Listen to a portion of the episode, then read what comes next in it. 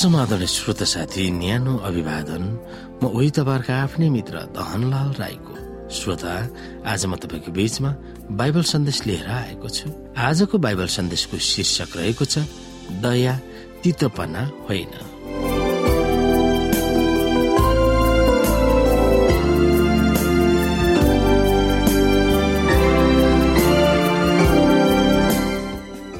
श्रोता साथी दिनको निम्ति तिमीहरू छाप लगाइएको छौ भनेर एफिसी चारको तिसमा पावरले सम्बोधन गर्दा आफ्नो पाठकहरूलाई यो आह्वान गर्दछन् कि यसुको दोस्रो आगमनको बारेमा ख्यालमा राखेर तिनीहरूको बोलीचाली होस्। त्यस महान घटना नजिकै हुँदा हाम्रो बोलीचालीको संस्कार कस्तो हुनुपर्छ भनेर बाबलले एफिसी चारको एकतिस र बत्तीसमा सम्बोधन गरेका थिए। ख्रिस यसुको दोस्रो आगमनलाई मध्यनजर राखेर अब हामी एक आपसमा बोलीचाली गर्दछौँ।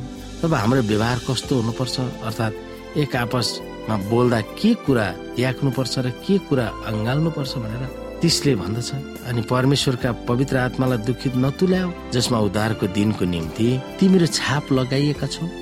त्यस गरी एकतिसमा सबै तितोपना क्रोध र रिस होहल्ला र निन्दा सबै किसिमका ढाह समेत तिमीहरूले त्यागिदियो भनेर भनिएको छ। यसै गरी एफिसी चारको सत्रदेखि बत्तीसमा उल्लेख गरिएको पावलको अन्तिम अर्थीमा नकारात्मक आदेश दिएका छन्।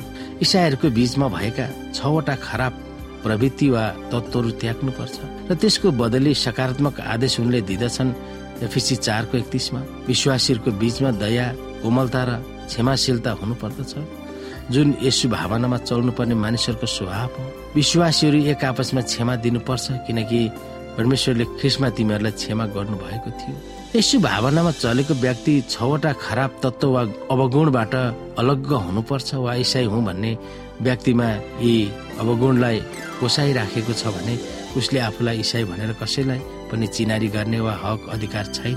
ती अवगुणहरू तितोपना क्रोध रिस वा कुनियत होहल्ला निन्दा वा चरित्र हत्या र ढा हुन्। रिस होहल्ला र निन्दा ग्रिक शब्द ब्यासफेमिया बाट अङ्ग्रेजीबाट अनुवाद गरिएको हो। यो परमेश्वरलाई हेपेर बोलीचाली गर्नु हो। तर ग्रिक भाषाको शैलीमा जब निन्दा र होहल्ला वा खराब बोली वचन परमेश्वरको वा मानिसलाई बेजत गर्न प्रयोग गरिन्छ तितोपना क्रोध र रिसले गर्दा रिसा बोली होहल्ला र निन्दा उत्पन्न हुन्छ। निचोटमा भन्ने हो भने इसाईहरूले आफ्नो ओठबाट बोल्ने बोली र दिमागमा गुम्स्याउन खराब तत्वलाई लगाम कसेर राख्नुपर्छ। जुनसुकै प्रविधि जसले रिसा बोली र निन्दा वा आलोचना गर्ने रणनीतिहरू इसाईहरूको निम्ति विषादी तत्वहरू हुन् र ती हटाउनै पर्छ भन्ने पावलको जिकिर छ। जब ती तत्वहरू पन्छाइन्छ तब मात्र इसाई समाजको उन्नति हुन्छ। र चर्चमा एकता फस्टाउँछ खराब बोलीलाई दबाउने होइन तर त्यसको ठाउँमा असल बोली बोल्नु हो। खिसको परिवारमा र बाहिर पनि हाम्रा बोलीचाली र क्रियाकलापहरू रिस ढाबाट उन्मुक्त भएर दया कोमलता र क्षमाशीलताको भावनाले अभिप्रेरित भएको हुनुपर्दछ।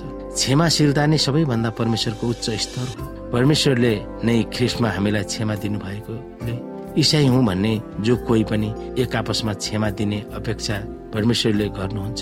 पावलले ठाडो क्षमा परमेश्वरबाट हामीलाई नमुनाको रूपमा प्रस्तुत गर्दछ जसले तेर्सो क्षमा एक आपसमा उपलब्ध गराउँछ।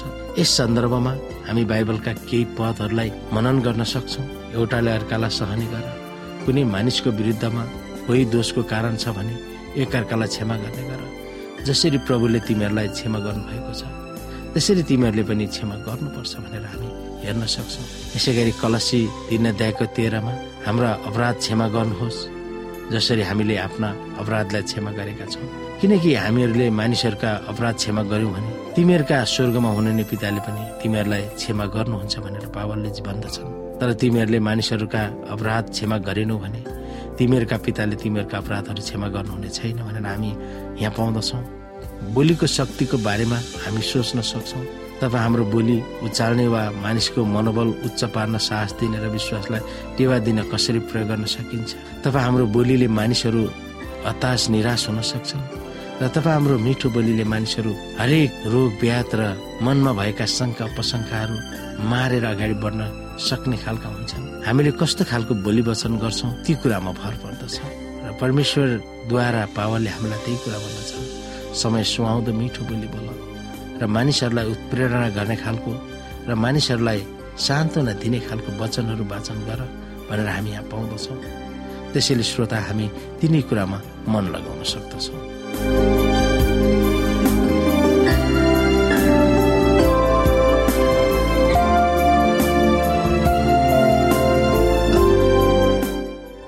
श्रोता साथी आजको लागि बाइबल सन्देश यति नै। हस्त नमस्ते जय मसिंह।